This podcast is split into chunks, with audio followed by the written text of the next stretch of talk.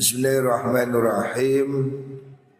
Wa an Abi Rifa'ah Tamim bin Usaid radhiyallahu an. Qala dawu sapa Abi Rifa'ah. Intahaitu temuka ingsun ila Rasulillah maring Rasulullah sallallahu alaihi wasallam wa huwa halutai kanjeng Nabi. Iku yahtubu khutbah sapa kanjeng Nabi. Nabi sedang khutbah ada orang datang. Khutbah Jumat. Fakultu ngucap ingsun ya Rasulullah Rajulun gharibun. Ay ana rajulun gharibun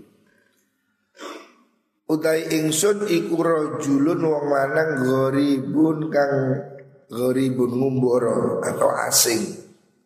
Orang yang baru datang, orang asing. Ja'a teko sapa gharib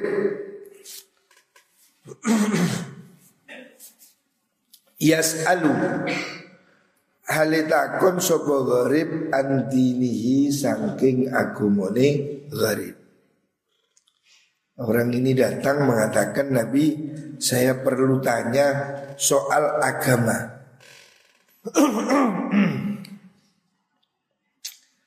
La yadri orang weruh sapa gharib ma ing apa? Ma ing apa dinu tai agamane gharib? Jadi suatu ketika Rasulullah Shallallahu Alaihi Wasallam sedang berkhutbah Terus datang seseorang yang namanya Tamim bin Usaid. Dia mengatakan kanjeng Nabi, saya seorang asing, orang pengembara, datang ke sini mau tanya soal agama, soal hukum-hukum yang saya belum tahu. Padahal Nabi sedang khutbah. Fa'akbala mongko madep sapa Kanjeng Nabi alaiya ingatasi ingsun. Madep sapa Rasulullah sallallahu alaihi wasallam wa tinggal sapa Kanjeng Nabi khutbatahu ing khutbahe Nabi. Jadi Nabi sedang khutbah turun. Khutbah itu dipotong dengan menjawab pertanyaan. Itu boleh. ya. Nabi turun menjawab. Wa tarakalan tinggal sapa Kanjeng Nabi khutbah tau ing khutbah Nabi hatta naha sehingga tumeka sapa Nabi ilayya maring ingsun. Fa'ata nuli nekani sapa Kanjeng Nabi bi kursi kelawan kursi hasibtu kang nyono ingsun Kawa imahu ing piro-piro sikile kursi hadidan iku besi besi. Faqada mongko lungguh sapa Kanjeng Nabi alaihi ingatase kursi. Wa ja'ala lan tumandang sapa Kanjeng Nabi iku yu'allimuni mulang sapa Nabi ni ing ingsun mimma saking perkara allamahu kang mulang hu ingma sapa Allah Gusti Allah. Summa atanuli nekani sapa nabi khutbatahu ing khutbahi nabi. Fa atamma nuli nyempurnaaken sapa kanjeng nabi. Akhiraha ing akhire khutbah. Rasulullah Shallallahu Alaihi Wasallam begitu perhatiannya Kanjeng Nabi sangat perhatian urusan ilmu. Kanjeng Nabi ini sangat concern, ya.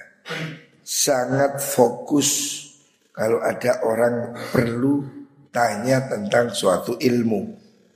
Makanya diriwayatkan dalam hadis ini, ini hadis riwayat Imam Muslim bahwasanya Rasulullah Shallallahu Alaihi Wasallam ketika itu sedang khutbah.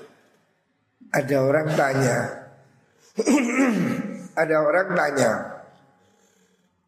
Langsung dijawab. Jadi jawabnya tidak menunggu selesai khutbah.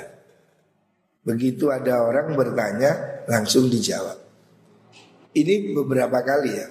Satu hadis lagi tentang ketika Nabi Suatu saat ketika Nabi sedang khutbah Ada orang tanya tentang Mata sa'ah Kapan kiamat Jadi jawab Artinya Kalau ada orang mau belajar ya, Itu hendaknya diperhatikan ya. Hendaknya orang ini segera memberi jawaban kalau ada yang tanya. Artinya soal ilmu ini penting.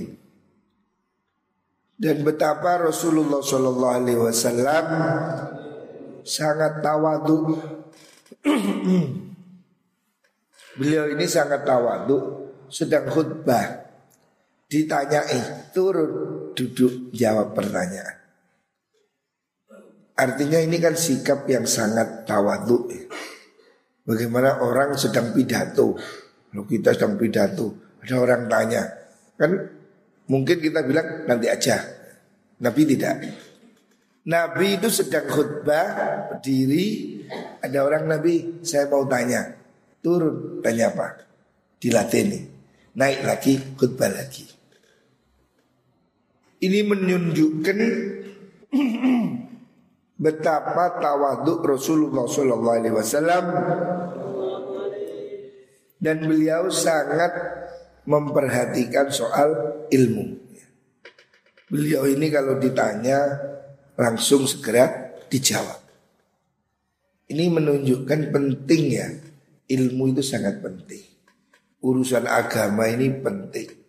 Nabi khutbah rela turun hanya untuk jawab pertanyaan. Makanya profesi ngajar ini penting. Guru itu mulia, ya. harus dihormati. Itu pekerjaan profesi Rasulullah Shallallahu Alaihi Wasallam. Terus rawahu Muslim. Wa an Anasin lan dan riwayataken saking sahabat Anas radhiyallahu an anna Rasulullah sallallahu alaihi wasallam iku kana ana sapa Kanjeng Nabi. Ida akala nalikane mangan sapa Nabi to aman ing panganan laika mongkong menapa niku ngelamuti menjilat ngelamuti sapa Kanjeng Nabi? Asabiahu ing pira-pira drijine Kanjeng Nabi. Jadi ini sunnah, perhatikan. Kalau habis makan itu zaman dulu makan dengan tangan. Hari ini juga tetap sunnah ya. Makan dengan tangan ini terbukti lebih baik. Kamu dibanding sendok lebih bagus tangan. Sebab tangan ini secara alami ini mengandung sesuatu atau saya tidak tahu secara bahasa ilmiahnya itu bisa mempercepat penghancuran. Jadi kalau kita makan dengan tangan itu makanannya itu di dalam perut itu lebih cepat diserap, lebih cepat hancur. Sehingga coro vitamin-vitaminnya itu lebih sempurna. Makanya di pondok tradisi makan pakai tangan itu bagus. Kanjeng Nabi dulu makan pakai tangan. Tetapi kalau mau pakai sendok juga boleh. Itu tidak apa-apa, itu bid'ah, tapi tidak sayyi'ah. Boleh aja. Sendok garpu boleh. Tetapi makan dengan memakai tangan itu lebih bagus.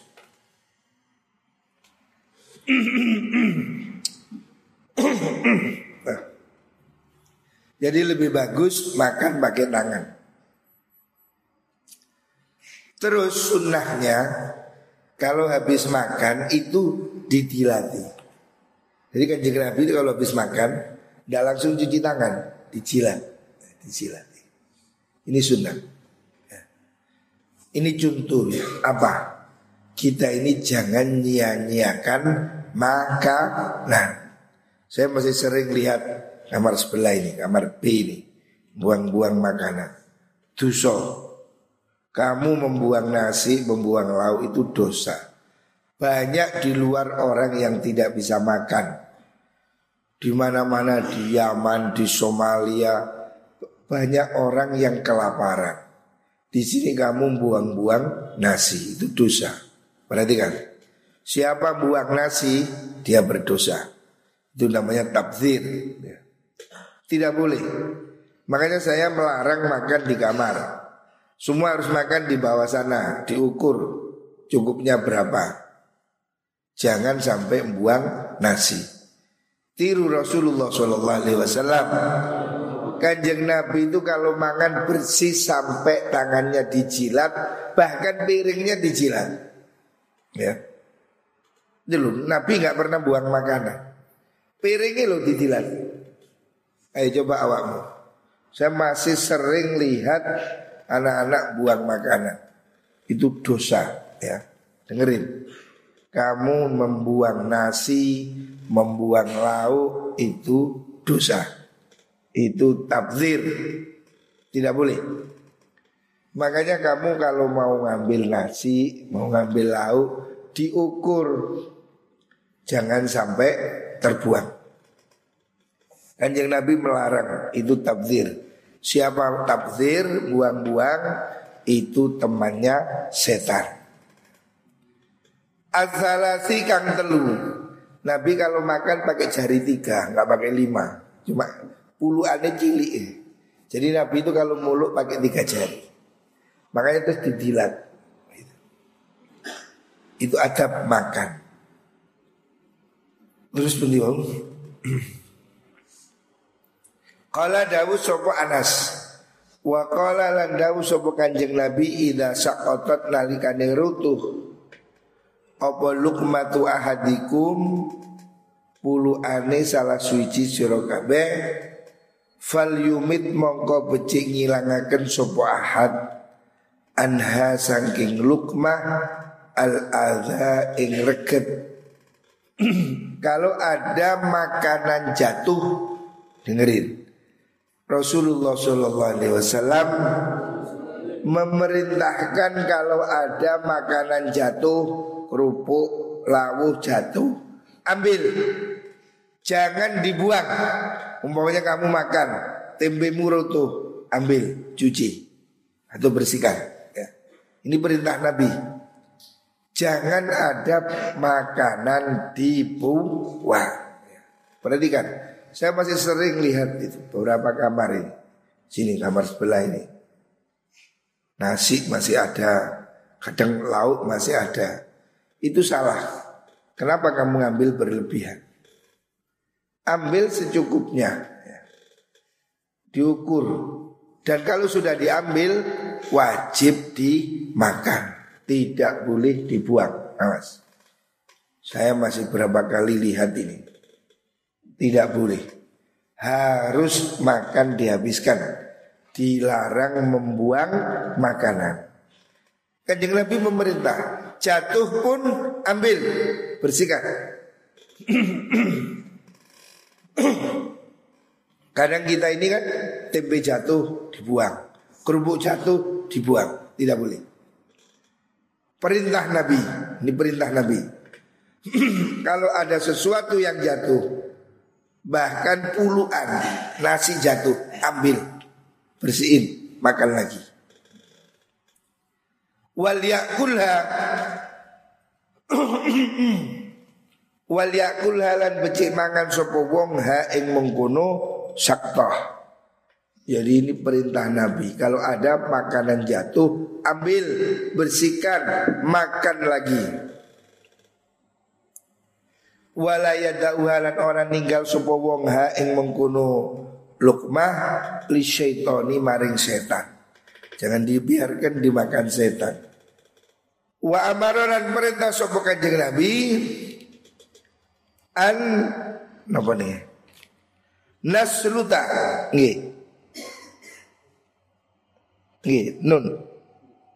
An nasluta ing yen to ngresiki kita supaya membersihkan alkos ata ing piring. Hendaknya kalau makan itu yang bersih, wadahnya itu bersih. Tidak perlu piringnya dilatan. Kala dawul nabi fa innakum sisiro kabeh iku la tadruna ora weruh sira kabeh fi ayyi ta'amikum ing dalam endi panganan sira kabeh al barakatu tahi berkah. Kamu tidak tahu yang berkah di mana. Jangan-jangan berkahnya itu di makan puluhan yang terakhir. Rawahu Muslim. Hadis sahih riwayat Imam Muslim. Ini pelajaran pentingnya. Kanjeng Nabi menyuruh makan sampai bersih bahkan kalaupun jatuh harus tetap diambil manusia hari ini sangat saya lihat. Ya ini contoh di pondok ini.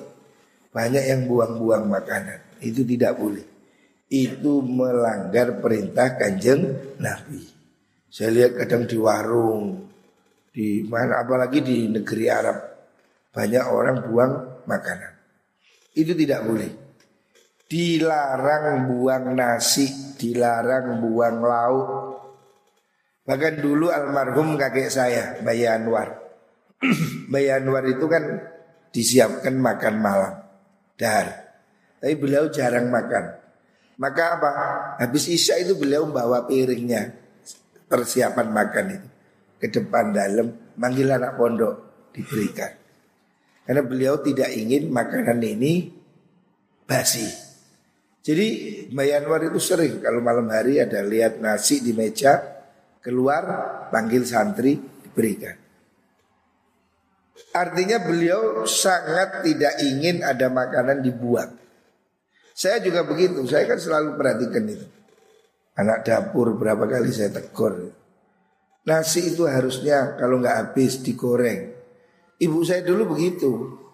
Pagi ini mesti makan nasi kemarin digoreng. Itu rutin sudah tradisi. Kalau nggak begitu sama ibu saya malam-malam sisa nasi itu dikukus lagi terus ditumbuk ditumbuk dikasih apa itu puli atau apa jadi kerupuk itu jadi kerupuk puli tidak ada buang nasi tidak ada ibu saya sangat melarang bahkan ibu saya dulu kalau anaknya buang nasi marah cuma bawa sego gare kayak iso kamu tidak bisa jadi kaya kalau kamu buang nasi seperti itu orang tua kita Nah ini di pondok harus diperhatikan. Saya masih sering menemukan anak-anak buang nasi. Nah boleh. Dan tidak boleh makan di kamar. Sudah makan di bawah di ruang makan. Supaya habis terukur. Ini saya lihat masalahnya ada anak bawa nasi banyak ke kamar. Padahal temannya juga sudah ngambil. Akhirnya double, nggak dimakan. Itu dosa. Kamu sengaja membiarkan sisa nasi itu dosa. Wajib kalau sudah kamu ambil ya harus kamu makan. Kalau tidak ya berikan orang. Jangan sampai disia-siakan. Saya beberapa kali itu sidak ke dapur, saya lihat ya. Ada apa? Tidak dimasak, tidak boleh. Sisa sayur, kadang sayur sampai tiga hari tidak diolah, akhirnya apa? Layu, dibuang. Tidak boleh tidak boleh membuang bahan makanan. Ini harus jadi prinsip. Tidak boleh. Bahkan ibu saya dulu, ibu saya ini saya sangat apa ya dekat sekali. Jadi ibu saya itu jangan, ngerti jangan. Kuah yang kemarin dicampur dengan yang hari ini. Jadi kadang apa itu campur. Jangan iki, jangan iku campur. Istilahnya ibu kalau saya tanya, ini jangan apa bu? Jangan podomoro. Artinya jangan iki ambil iki campur. Jadi saking saking tidak maunya membuang. Jadi sampai ya dicampur. Kemarin masa anu, sekarang masa anu, gantek dicampur. Istilah ibu saya, jangan apa bu, podomoro. Artinya tidak pernah buang makanannya. Tidak boleh. Ya. Ini harus menjadi karakter ya. Orang itu kalau karakternya boros, miskin pun boros. miskin pun dia ya boros. Kayak hidup ya. Kayak hidup. Orang harus bisa mengendalikan. Ini kamu lihat ini, handphone saya ini Oppo. Oh, ini. Saya bisa beli iPhone terbaru apa sangat-sangat bisa lah. Tapi untuk apa? Ini masih bagus ya sudah. Ini handphone Oppo. Teman-teman saya sudah pakai handphone Samsung, iPhone. Saya punya iPhone, tapi saya biasa pakai Oppo. Kayak hidup kita ini tidak usah diukur sama gengsi. Kalau mau beli saya apa nggak bisa? Sangat bisa. Tapi tidak perlu. Ya. Jangan kita ini mengukur kebahagiaan kita dengan pujian orang lain. Handphone yang penting fungsi loh. Ini fungsinya nelpon. Moto ya wis Handphone yang baru kan kameranya papat atau limo. Hampir semua orang teman saya handphonenya sudah tidak ada yang begini. Kameranya empat atau lima kotak. Padahal saya lihat betulnya dia ekonominya ya tidak lebih baik dari saya. Tapi saya enggak lah, enggak kepingin untuk apa. Sebenarnya handphone yang penting muni ya wis, gitu aja. Jadi sikap hemat itu gaya hidup. Sama dengan boros. Orang itu kalau memang watei boros, miskin pun ya boros. Selalu ganti-ganti baju, selalu pingin tampil trendy, korban tren fashion, ganti-ganti. Untuk apa? Jadi kamu jangan mengukur dirimu dengan nilai orang. Yang penting kamu pakai nyaman ya wis, enak ya sudah. Tidak usah kamu mengharap pujian bajunya bagus, anunya baru. Itu apa itu? Hidupmu itu hidupmu sendiri. Jangan digantung pada penilaian orang lain. Orang ini menjadi berat hidup karena dia ukur dengan penilaian orang. Maka mobilnya harus ganti, ininya harus ganti. Saya enggak. Ya kalau memang Perlu baru ganti Mobil saya CRV kecelakaan Ya baru saya mau beli lagi Kalau enggak ya untuk apa? Itu Serena saya udah lima tahun Ya enggak ganti. Untuk apa?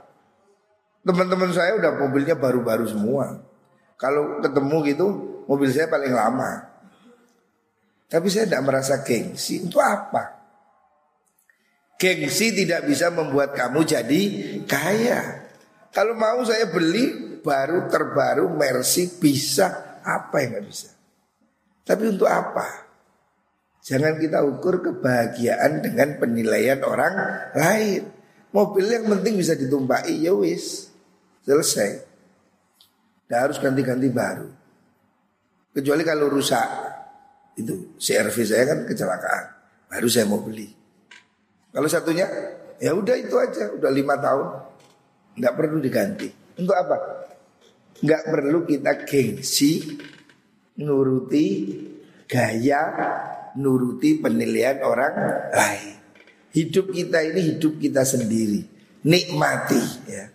Jangan kau bandingkan dengan orang lain. Ini kunci bahagia ya. Salah orang itu bahagia itu nuruti tren. Itu bodoh.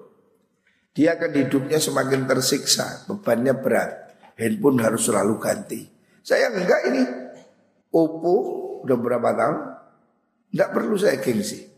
Teman-teman saya handphonenya baru semua, udah kamera 45 semua. Saya enggak malu, ini handphone saya. Udah, untuk apa? Kalau saya mau beli yang baru, jangan satu, sak kerdus bisa apa itu? Tapi untuk apa? Gengsi itu tidak membuat kamu jadi kaya. Lihat anak-anak kecil itu bahagia. Karena dia tidak tahu harga mainannya. Kamu kasih mainan apa pun dia senang. Sebab dia tidak tanya harganya. Anak kecil kayak botol kosong ya semua senang tiga teman-teman. Kalau gak regane regane piron. Nah, dia menjadi tidak bahagia ketika dia, dia tahu harganya. Wah milik saya harga segitu, itu segitu. Dia merasa minder, miliknya lebih murah. Ketika dia tidak tahu harganya dan tidak membandingkan harganya dengan milik orang, dia bahagia. Main omplong ya seneng, main apa aja seneng. Karena dia tidak tahu harganya. Nah hidup kita akan bahagia kalau kita tidak nilai dengan uang. Kalau kamu selalu nilai hidupmu dengan gaya uang, ya hidupmu menderita. Jadi ini harus diletakkan prinsip belanjakan uang sesuai kebutuhan, bukan sesuai kemauan. Itu harus. Anak-anak harus diajari bahwa uang itu tidak tumbuh dari mesin ATM. Artinya duit masih harus cari. Jangan dia Jangan diajari mereka hidup konsumtif, tidak boleh. Wa Nabi Hurairah radhiyallahu anhu dari Nabi sallallahu alaihi wasallam qala dawu sapa nabi ma ba'atsallahu nabiyyan illa ra'al ghanam. Ma ba'atha orang ngutus sapa Allah Allah nabiyan ing nabi illa ra'al ghanam ang illa ra'a angin angon sapa nabi al ghanama ing wedus.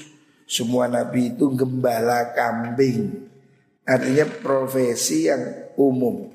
Nabi gak gengsian. Nabi juga gembala kambing. Pekerjaan yang bukan pekerjaan elit, pekerjaan yang melatih kesabaran. Wala dau sapa ashabu biro-biro sahabati Nabi. Wa anta? Ante panjenengan. Qala dau Nabi na'am. Ya. Kuntu ono ingsun iku araha. Angon ingsun ha ing mengkono ghanam. Ala qarari ti ing ala qarari to ing atasi piro-piro kirot kirot itu upah receh upah kecil. Li ahli Madinah li ahli Makkah kedua ahli Makkah. Rawal Bukhari Kanjeng Nabi ngajari pada kita kerja ojo gengsian Nabi kerjanya gembala kambing. Bayarannya berapa miliar? Enggak, ala kororit. Kororit itu duit receh, uang kecil.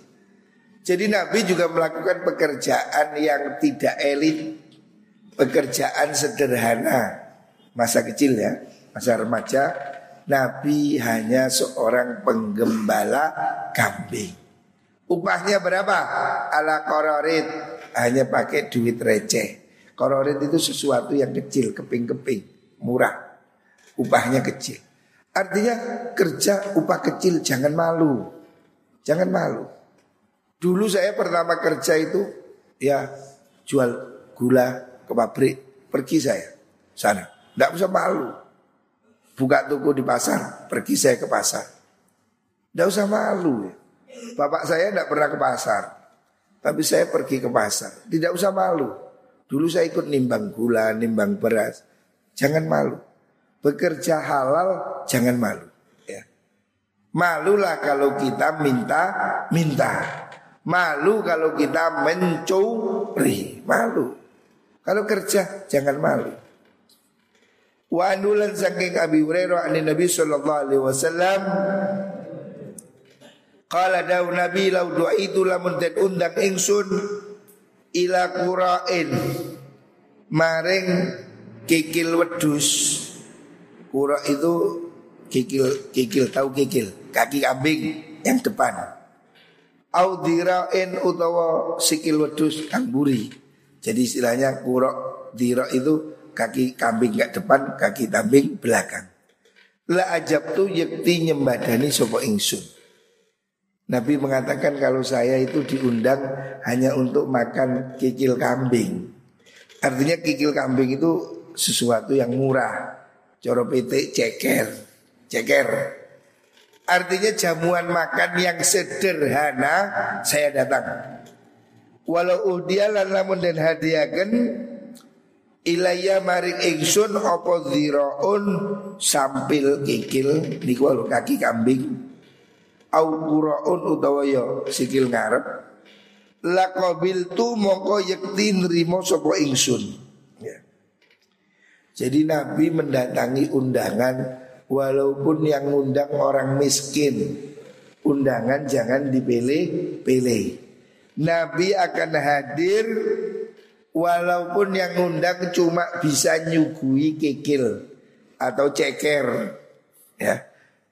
Nabi akan datang mendatangi undangan walaupun makanannya itu murah. Dan Nabi akan menerima pemberian walaupun itu cuma kikil. Ya kikil bagi orang Arab itu sesuatu yang hina. Ya kayak kita ceker. Dulu ya malah saya waktu tahun 90-an masih saya pertama ke Mekah, kikil kepala itu dibuang. Orang Arab itu tidak makan. Jadi saya lihat di tong sampah itu kepala kikil dibuang, jeruan dibuang. Mereka hanya makan daging. Artinya kikil itu sesuatu yang uh, murah sekali. Nabi mengatakan saya nerima kalaupun disuguhi kikil. Artinya kikil itu ceker ngerti? Kalau ayam ceker. Kalau menurut kita ceker. Sesuatu makanan yang paling murah. Nabi mau datang walaupun hanya disuguhi cek ceker atau kikil kaki. Dan beliau mau menerima walau diberi kikil tadi. Artinya pemberian itu harus dihargai walaupun kecil ya. Jangan meremehkan pemberian orang. Sekecil apa pun kamu diberi, ucapkan terima kasih. Jangan lihat nilainya, jangan lihat harganya, tapi lihatlah ketulusan. Bagaimana orang itu berusaha memberi kita. Ya kadang saya ada tamu datang bawa apa pete matur nuwun walaupun pete murah tapi kita menghargai dia kepingin oleh-oleh punyanya cuma pete ada yang bawa kerupuk ada yang bawa apa? Puhung, telo harus kita hormati. Hargai kemauan memberi itu mulia. Jangan kalau orang datang bawa ini disambut, kalau bawa ini dilecehkan jangan. Jangan lihat harganya, tapi lihatlah ketulusannya. Itu penting. Kita ini harus belajar bisa berterima kasih. Sekecil apa pun terima kasih. Wan Anas radhiyallahu an qalat dawu Anas? Kanat ono sopo kanat ono opo naqatu Rasulillah sallallahu alaihi wasallam? Al adba urubane adba. Adba itu nama nama apa? Jenis-jenis apa namanya itu? Gini adba itu uh, onta yang kupingnya ini orang cuwile ya. Jadi nama untanya Nabi itu diberi nama Adba. Karena apa? Kupingnya ini ada sigar sedikit, ada cacatnya. Latus baku iku ora bisa den salib opo adba, tapi dia kenceng larinya. Aulataka tu uto ora parek opo adba ikutus baku bisa den bisa den salib opo mengkuno adba. Jadi Nabi itu kendaraannya ya. Cara saat ini kendaraannya itu seekor onta yang dianggap cacat kupingnya ini, kupingnya ini apa itu cuil. Maksudnya apa sih? Maksudnya kendaraan Nabi, cara saiki ini mobil itu bukan mobil mewah. Zaman dulu kan belum ada Toyota. Zaman itu masih naik unta. Lah, untanya kanjeng Nabi itu onta jenis biasa. Artinya kanjeng Nabi tidak pakai onta yang bagus, yang kuaka, yang enggak. Nabi itu punya onta yang ya dianggap sederhana. Jor saiki no mobile yo Xenia. Bukan Mercy. Ontanya itu onta yang kupingnya itu ada cacat. Itu kalau orang Arab menganggap itu enggak, enggak level. Jauh sepeda motor, sepeda apa enggak, enggak gaya. Artinya dianggap itu cacat atau kurang bagus. Tapi Nabi pakai itu. Artinya kanjeng Nabi tidak mewah. Kendaraannya itu bukan Mercy, ini Cara ukuran mobil itu kendaraannya ya Xenia, mobil sejuta umat ya. Tawaduk sekali. Fajaan nuli teko sapa Arabiyun wong Arabi. Orang Arabi, orang gunung ala kuudin ing jaran balap. Kuud itu kuda yang bagus, kuda yang hebat, hebat. Jurus saiki Mercedes Fasa lahu kedua Arabi fasa bakoha mongko ngalahaken balap sopo mengkuno koud ha ing atba. Ya tentu saja karena ini kuda bagus balapan ya menang. Fasa ko mongko abot opo dalika mengkuno mengkuno niku wau. Ja'a Arabi niku alal muslimina ing atase pira-pira wong Islam hatta arafa sing weruh sapa Kanjeng Nabi ing dalik niku. Fakola mongko dawu sapa Kanjeng Nabi hakun iku hak wajib Allahi ingatasi Allah Allah yartafi'a yen ora munggah apa syai'un suci-wici minat dunia sangking dunyo illa wadu'ahu angin ngasoraken sapa Allah hu ing mengkono syai' Jadi Nabi itu punya kendaraan onta yang cacat Atau kalau bahasa sekarang mobilnya sederhana. Terus suatu saat ini ada orang membawa kuda yang bagus balap, ya nyelip. Sahabat-sahabat merasa nggak enak. Artinya ini kok nggak nggak nggak sopan. Anjung Nabi di balap oleh kuda yang bagus. Cara saya ini numpak senia diselip mercy. Sahabat merasa nggak enak, nggak nyaman, kasihan. Terus Nabi tahu, Nabi bilang nggak apa-apa. Gusti Allah itu akan menjadikan orang yang tawadu itu mulia. Dan siapa yang sombong akan dijatuhkan oleh Gusti Allah. Artinya Nabi mengajarkan supaya tawadu, nggak usah, nggak usah gengsi, bener. Gak usah kamu merasa sakit hati atau apa kalau orang lain lebih kaya dari dirimu. Nabi naik onta seperti itu Ada orang bawa kuda bagus Nabi baik-baik aja Artinya tidak usah dibandingkan Milik kita jangan dibanding dengan milik orang lain Syukuri apa yang kita miliki Jangan bandingkan dengan milik orang lain Semua orang diberi sesuai kehendaknya Gusti Allah rezeki wis diatur pangeran. Jangan ada rasa iri. Wallah.